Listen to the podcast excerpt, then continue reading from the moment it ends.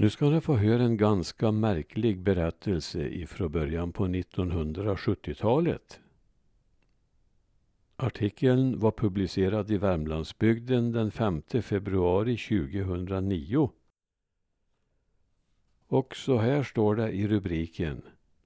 Nu kan det avslöjas. Tommy Körberg sjöng vår låt i Melodifestivalen. 1971 var året jag skulle bli rik och berömd. Det lyckades emellertid inte särskilt bra, varken med det ena eller det andra, och lika bra är kanske det. Saken är den att jag just det året var med på ett hörn i den svenska uttagningen till Eurovisionsschlagern men detta har varit en oavsiktligt förborgad hemlighet som nu kan avslöjas. Ödet har inte velat tillerkänna mig denna eventuella ära. Till och med på internet har jag läst att sången presenterats under annat namn. Jag hade skrivit vistexter några år och 1968 startade jag ett samarbete med komponerande Utterbysonen Leif Nygren. Den ena visan efter den andra tog form under ett par inspirerade år. Vi skickade till diverse artister men storheten i våra alster gick dem förbi och optimismen sjönk. Av någon anledning svarar de flesta artister inte på brev. Till slut var det en visa som vi fick napp på från två håll. Den ena orkestern ville dock ändra i texten och den andra ville bättra på melodin. Med vår hårt tillkämpade integritet sa vi bestämt nej till sådana tilltag. Vi skulle slå igenom, men på våra egna villkor. Här skulle ingen komma och begripa bättre om vårt eget material. Vi skulle inte låta sälja oss.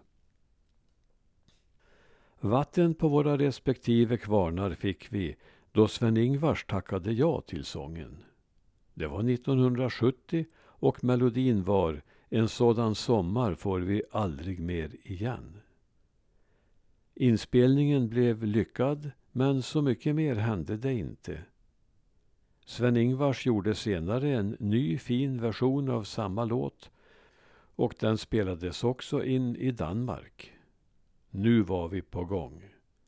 Vi beslutade att skicka in ett bidrag till uttagningen till Eurovisionsfestivalen, den svenska uttagningen. Idag kallas det visst för Mello. Nu skulle Sverige och Europa få höra. Och världen så småningom. Sången hette Var är du nu? Texten var inte min allra bästa men torde ha hållit godtagbar melodifestivalstandard. Melodin var hur som helst mycket vacker, framförallt en pianoslinga som låg som komp och som hade samma stämning som Beethovens Månskenssonat. Nu skulle vi få vårt genombrott. Vi skickade in vår sång som hamnade i konkurrens med 1163 andra bidrag. Men faktiskt, den kom med bland de uttagna. Detta var på den tiden när det var full anonymitet kring vilka som hade snickrat ihop bidragen och ingen kunde få en plats genom bekantskap.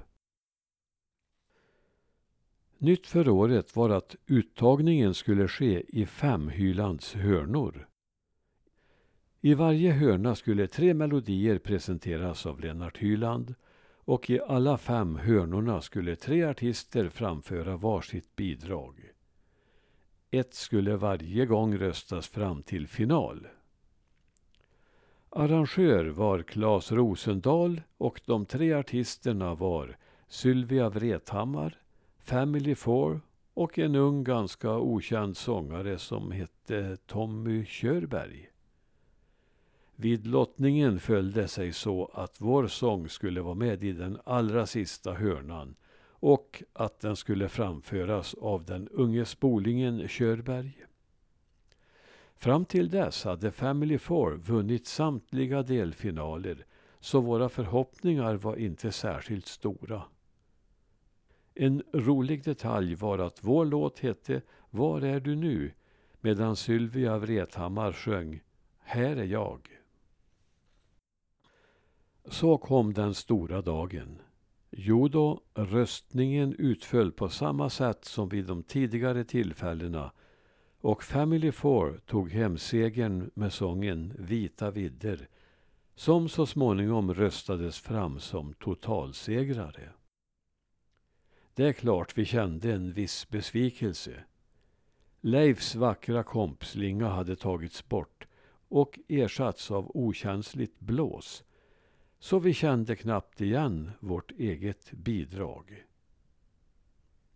Vi blev blåsta, kan man säga.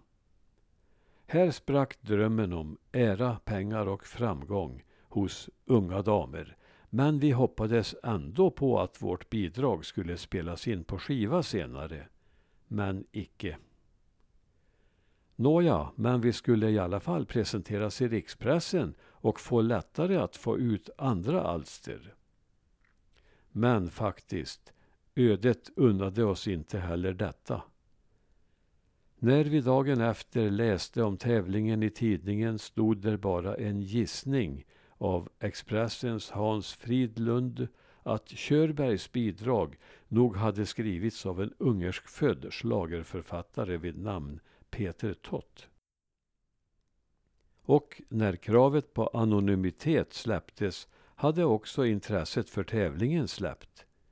Ingen fick veta vilka jag och Leif Nygren var. Hans Fridlund skrev i nämnda tidning att publiken hade röstat på artisterna och inte på låtarna. Men vad hjälpte det?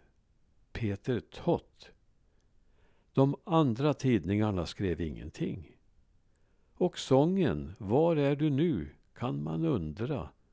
I bästa fall finns en gammal kopia i ett arkiv på Sveriges Television.